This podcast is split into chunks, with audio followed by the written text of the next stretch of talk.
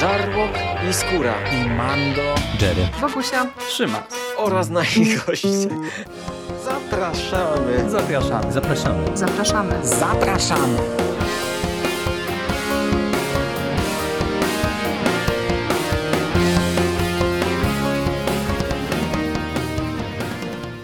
Cześć, z tej strony Michał Rakowicz, czyli Jerry i witam Was wszystkich bardzo serdecznie w kolejnym odcinku konglomeratu podcastowego.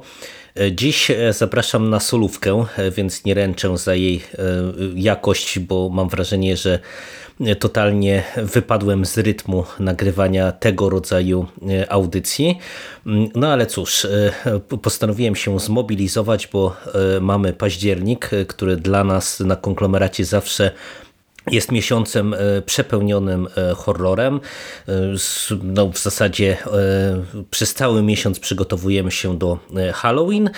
No i postanowiłem nadrobić coś, co za mną już chodziło od dawna, a mianowicie nagranie podcastu, audycji o debiucie Tomasza Kozioła, czyli Dziewczyna, która klaszcze. E, jest to horror wydany przez wydawnictwo Uroboros. E, Uroboros, które e, no do niedawna kojarzyło mi się głównie z Gwiezdnymi Wojnami i książkami młodzieżowymi, no bo w zasadzie w tym się specjalizują. Mm, no i kiedy zobaczyłem, że wydają horror, no to y, raz, że się troszeczkę zdziwiłem, dwa, że y, trochę mnie to zaciekawiło, y, z czym tutaj będziemy mieli do czynienia. To nie jest pierwszy horror, który Uroboros wydało, ponieważ co nawet ja tutaj omawiałem też na Konglo, wydali kiedyś Macieja Lewandowskiego Cienie Nowego Orlanu, całkiem niezłą powieść Maćka, i e, no, e, byłem ciekaw, e, czy debiut tutaj kolejnego autora też będzie na porównywalnym, dosyć wysokim poziomie. Ale zanim do samej książki, to dwa słowa o czymś, co w naszym takim horrorowym środowisku odbiło się dosyć negatywnym echem i słusznie, moim zdaniem, czyli kampania promocyjna. E, ponieważ Uroboros, tak jak to e, często ma w zwyczaju, postawił na e, promocję swojego tytułu, serwując filmiki, serwując różnego rodzaju tagliny, hasła promocyjne, wyimki z recenzji, jakiś na różnych blogach poświęconych literaturze. No i e, ja mam problem e, już będąc po lekturze e, z tą machiną marketingową tak naprawdę dwojakiego rodzaju. Pierwsza rzecz, która jest no, takim przestrzeleniem ze wszechmiar, to była kampania, która opierała się na takim zabiegu prezentowania hasła pod tytułem Pierwszy polski horror, czy coś w tym stylu, już nie pamiętam dokładnie dokładnie jak to się tam wyświetlało, które oczywiście nie było tak naprawdę tym, bo dalej tam leciała dalsza część zdania, w tych materiałach, ale rzucało się właśnie w to, to w oczy najbardziej, czyli że mamy e, pierwszy, najstraszniejszy polski e, horror. E, no co umówmy się, w Polsce Anno Domini 2021 jest stwierdzeniem kuriozalnym, bo ani to nie jest pierwszy horror, ani pierwszy polski horror, ani pierwszy najstraszniejszy horror. Nie wiem, co podkusiło tutaj dział marketingowy Uroborosa, aby postawić na taką kampanię marketingową. E, tym bardziej, że e, no, wydaje mi się, że oni zrazili e, tymi hasłami bardzo dużo czytelników, którzy trochę w horrorze siedzą i którzy po ten, po ten tytuł mogliby sięgnąć. No i ja zgaduję, że po prostu mogło to wynikać z tego, że właśnie no, oni nie siedzą zasadniczo w horrorze, więc postanowili się wyróżnić w ten sposób, aby dotrzeć trochę do innej publiki niż ta ich standardowa, e, sięgająca właśnie po e, literaturę e, młodzieżową, czy jakąś tam literaturę fantazy. No ale wiecie, no trochę wylali dziecko z kąpielą, bo nie wiem na ile ta kampania marketingowa dotarła realnie do właśnie nowych czytelników z horrorem niezaznajomionych, a tych, którzy tym tytułem mogli być zainteresowani, no mogła troszeczkę przestraszyć, no bo ja przynajmniej takie głosy słyszałam. To, co jest takim faux pas, no, można by było właśnie złożyć na karp kierowania tego przekazu do mm, czytelników, którzy w horrorze nie siedzą pomińmy już ten aspekt. To, co moim zdaniem jest dużo większym problemem z perspektywy tej powieści, to hasła e, reklamowe, które się przywijają e, i e, które podkreślają dwie elementy jakoby tej powieści, mm, czyli grozę, ale także jakby pewne aspekty humorystyczne. No mamy tutaj na przykład hasło urokliwie zabawna, totalnie przerażająca. I no to jest coś, czego ja już niestety tak łatwo nie mogę wybaczyć, ponieważ o ile możemy możemy dyskutować i co zaraz postaram się wyłożyć na, e, na temat kwestii tego, czy jest to powieść przerażająca, czy nie, czy ona działa, czy nie. O tyle na pewno nie jest to powieść zabawna, ponieważ e, e, autor stworzył powieść moim zdaniem na wskroś taką brutalną, ale nawet nie chodzi o, wiecie, dozę jakichś makabrycznych scen, tylko o y, ten cały świat przedstawiony, który jest taki y, niesympatyczny, brudny, jakiś rozkładający się, y, pełen napięcia i jakiejś takiej podskórnej grozy. No i ja e, naprawdę po lekturze nie jestem w stanie pojąć, e, co spowodowało, e, że akurat właśnie tutaj jakiś domniemany humor, czy domniemaną zabawność postanowiono wyciągnąć też w tych hasłach reklamowych i tych polecajkach. Nie, to absolutnie nie jest powieść zabawna. No ale dobra, bo mówię już parę minut, a na razie trochę znęcam się nad kampanią marketingową. No ale okej, okay. o czym jest y, dziewczyna, która klaszcze? E, tytuł, który y, akurat może się wydawać zabawny, ale w sumie ja go kupuję i wydaje mi się, że też w kontekście mm, całej książki on całkiem nieźle się sprawdza i całkiem nieźle działa.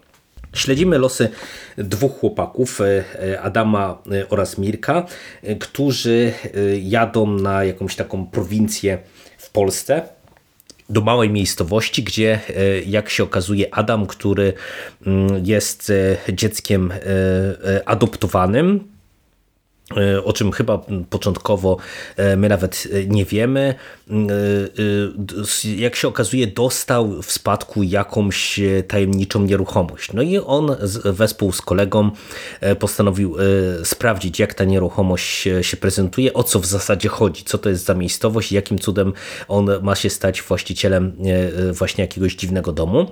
Na miejscu okazuje się, że dom ten to jest takie wielkie, trochę rozlatujące znajdujące się domostwo, które wygląda jak skrzyżowanie nawiedzonego domu ze szpitalem e, albo wręcz szpitalem psychiatrycznym. No, ogólnie mało sympatyczne miejsce.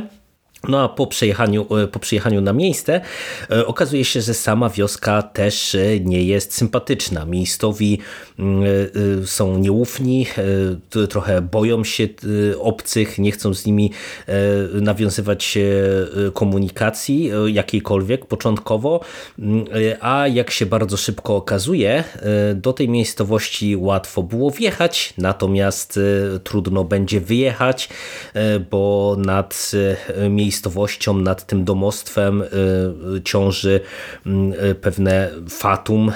Być może jest to miejsce nawiedzone, czy nie tylko sam dom, ale cała miejscowość przez właśnie tytułową dziewczynę, która klaszcze. No i Adam i Mirek, który utknęli w tejże miejscowości, e, rozpoczynają śledztwo. Śledztwo o tyle trudne, że z każdym dniem, a w zasadzie już od któregoś momentu z każdą godziną, e, Adam czuje się coraz gorzej. W sensie nawiedzają go różnego rodzaju zwidy. On nie wie, czy śni, czy, czy traci świadomość i robi pewne rzeczy właśnie na jawie, tak trochę sterowany przez jakąś siłę. My też tego oczywiście początkowo nie wiemy, no i to e, wszystko prowadzi do e, dosyć mocnego finału. No i teraz e, jak wypada dziewczyna, która klaszcze i zacznę może od tego aspektu stricte horrorowego. No, ja podejrzewałem e, na etapie sięgania e, po tę powieść, że to może być właśnie e, kasus trochę wejścia w inny rynek i próba pozyskania tych młodych czytelników do horroru. Nie wiem na ile tak jest, bo w sumie wydaje mi się, że to jest książka, która jak na debiut jest z jednej strony dosyć dojrzała i dosyć dobrze przemyślana, także właśnie pod tym kątem e, horroru. Z drugiej strony niestety mm, obarczona e, pewnymi problemami, wydaje mi się, że trochę właśnie problemami debiutanta. Jako horror ona się sprawdza całkiem nieźle. Tomasz Kozioł jest autorem pomysłowym. Tutaj naprawdę potrafi z jednej strony wykreować momentami dosyć taki upiorny, wisielczy klimat. Ma pomysły na intrygujące e, prowadzenie scen grozy i e, mieszanie też, też tych scen grozy. W sensie, wiecie, z jednej strony mamy takie sekwencje, które mogą nam się kojarzyć, nie wiem, z mm, jakimś takim nawiedzonym domem, czy z opowieścią o duchach. E, z drugiej strony e, przez właśnie te jakieś takie tajemnicze odcięcia Adama my wchodzimy momentami w jakieś takie oniryczne sekwencje, gdzie w zasadzie ani główni bohaterowie, ani my do końca nie wiemy, co jest prawdą, co jest e, fikcją, co jest jakąś projekcją na przykład z przeszłości. To, to są naprawdę całkiem niezłe sekwencje. No i z trzeciej strony y, tutaj naprawdę też y, y, Tomasz Kozioł może się poszczycić tym, że momentami potrafi docisnąć też tę grozę tak bardziej bezpośrednio i mamy tutaj kilka naprawdę mocnych, makabrycznych sekwencji.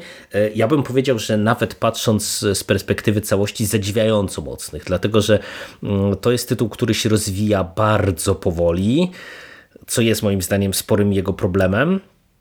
Ale kiedy już wydarzenia zaczynają eskalować, no to tutaj naprawdę, e, e, tak jak mówię, dostajemy kilka e, bardzo mocnych sekwencji, które mnie zwyczajnie zaskoczyły, bo no, nie, nie byłem do końca przygotowany, że autor też się pokusi na tak plastyczne opisy makabrycznych jakichś rzeczy, które się dzieją z postaciami na kartach jego powieści. No i to potrafi całkiem nieźle zadziałać. Także jeżeli by, y, byście się zastanawiali, czy dziewczyna, która klaszcze jest e, najbardziej przerażającym polskim horrorem, no to powiem, że nie, nie jest, e, ale naprawdę potrafi e, momentami straszyć całkiem nieźle. No i dla mnie bardzo dużym plusem jest zakończenie, czy w ogóle poprowadzenie ostatniego aktu powieści, który E, no jest naprawdę podszyty takim e, fatalizmem. No dość powiedzieć, że ja nie spodziewałem się, że to wszystko pójdzie w taką stronę i że autor aż tak e, pojedzie tutaj po bandzie, no bo wydawało mi się, że przez długi okres czasu w trakcie lektury, że, że to jest właśnie może taki trochę horror lżejszego kalibru.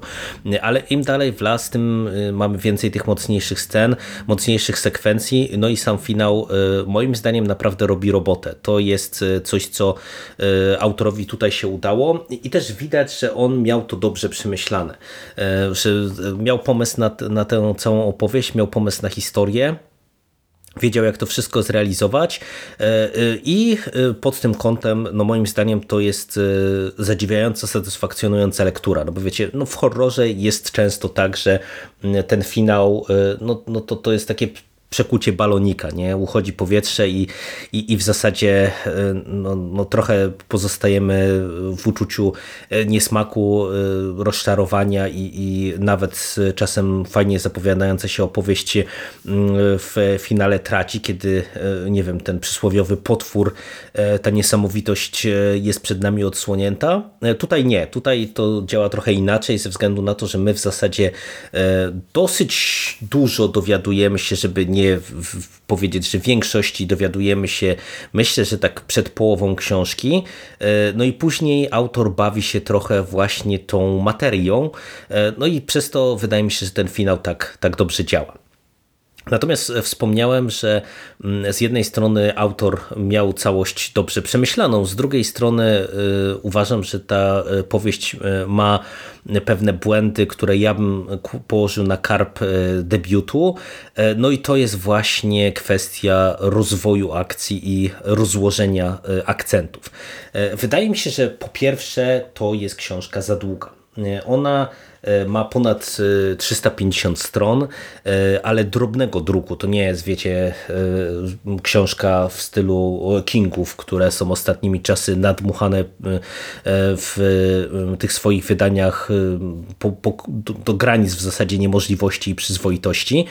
Tylko tutaj druk jest dosyć zwarty, więc no, to jest dosyć długa powieść i wydaje mi się, że ona się rozwija za wolno.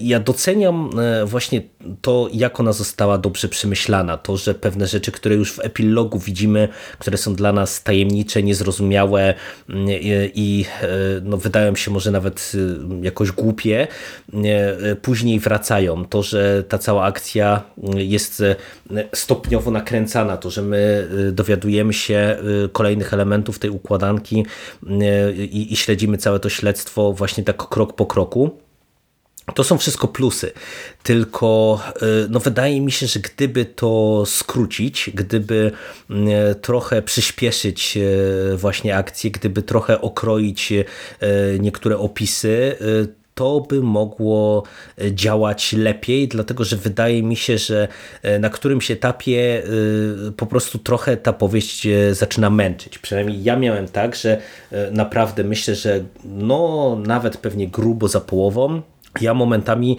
e, byłem e, po prostu zmęczony, nawet nie tyle zirytowany lekturą, to, to, to nie byłoby dobre słowo, tylko zmęczony lekturą, tak trochę brnąłem. E, mam wrażenie, że, że jakoś ten styl autora, który jest spoko, jest, jest poprawny. Tutaj absolutnie nie mam nic mu do zarzucenia, ale, ale też właśnie mm, jakby powodował, że ja nie mogłem się wbić w lekturę. Pomimo tego, że e, mamy tutaj często rozdziały dosyć krótkie, e, czy nawet jeżeli rozdział jest dłuższy, to on jest przeważnie mm, e, gdzieś tam z, z jakimś przerwnikiem w środku, czyli można by to sobie gdzieś tam poszatkować tę lekturę i, i mogłaby ona wchodzić płynnie.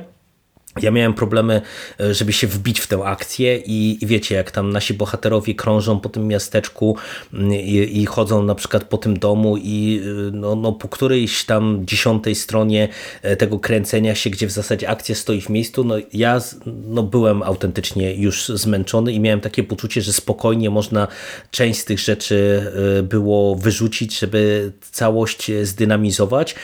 Tym bardziej, że no tak jak mówię, no tutaj autor też postawił na dosyć specyficzny zabieg i my y, w zasadzie większość tej zagadki odkrywamy, w, no mówię, przed połową powieści, chyba gdzieś około 160 strony z tych 360, y, czyli wiecie, to nie jest też y, horror tego rodzaju, który ma nas trzymać w niepewności do samego końca co do natury tego zła. Tak trochę też jest, bo tutaj jest pewna taka gra z czytelnikiem i z oczekiwaniami co do, do, do, tego, e, kto za tym finalnie e, wszystkim stoi, mm, ale, ale pomimo tego, co, co mówię, no to jednak jest tak, że mówię, że trzon mm, tej historii poznajemy właśnie na tak wczesnym etapie i autor trochę idzie w innym kierunku. My zaczynamy się zastanawiać, jak bohaterowie sobie poradzą z tą wiedzą, czy uda im się ten pewien zaklęty krąg przerwać i, i doprowadzić to wszystko do szczęśliwego finału. No i ta druga część powieści jest zdecydowanie lepsza.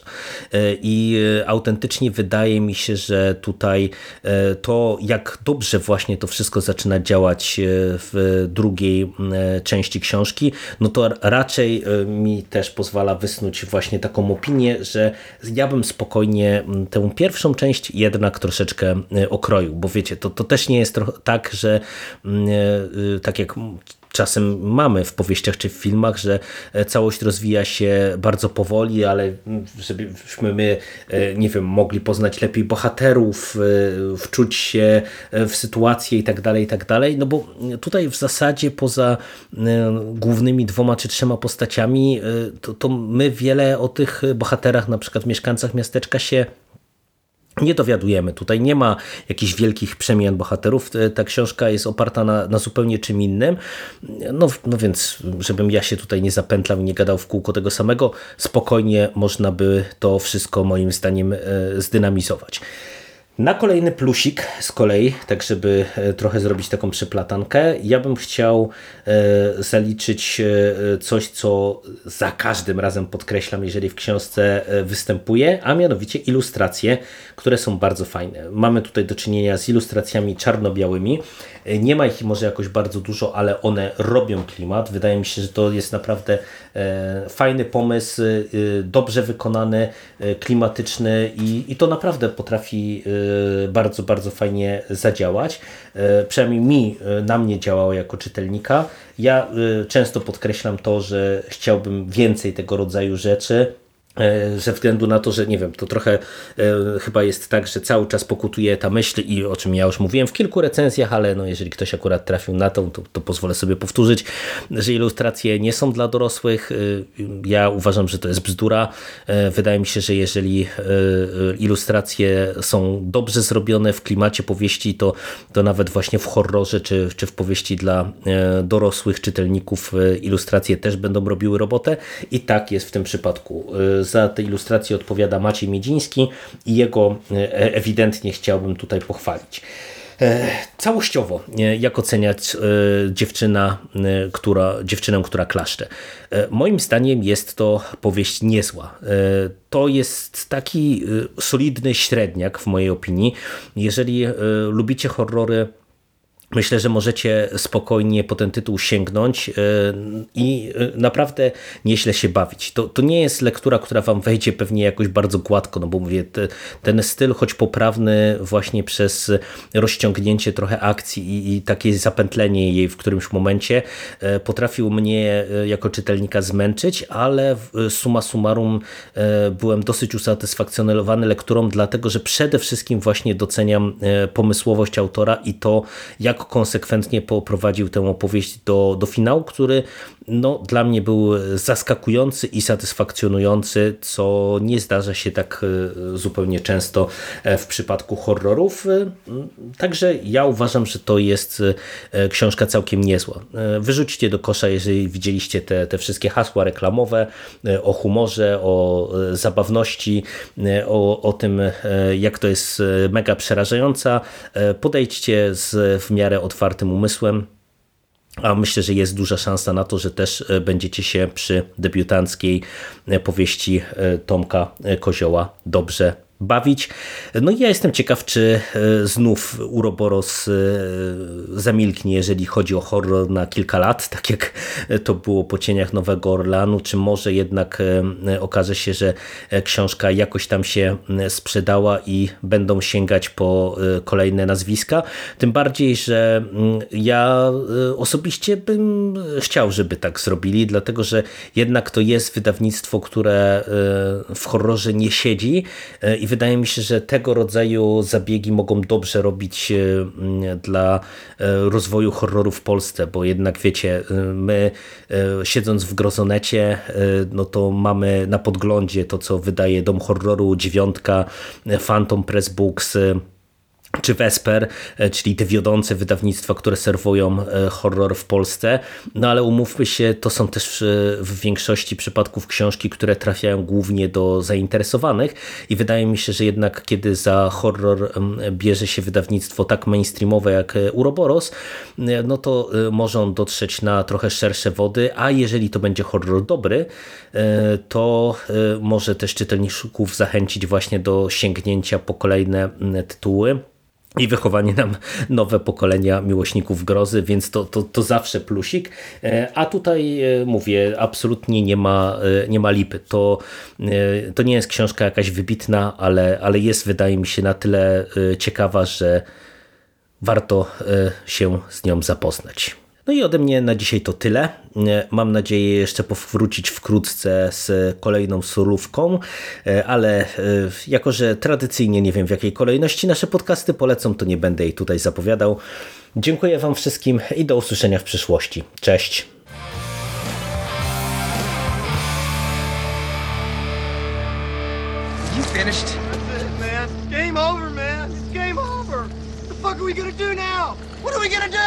It's over. Nothing is over! Nothing! You just don't turn it off!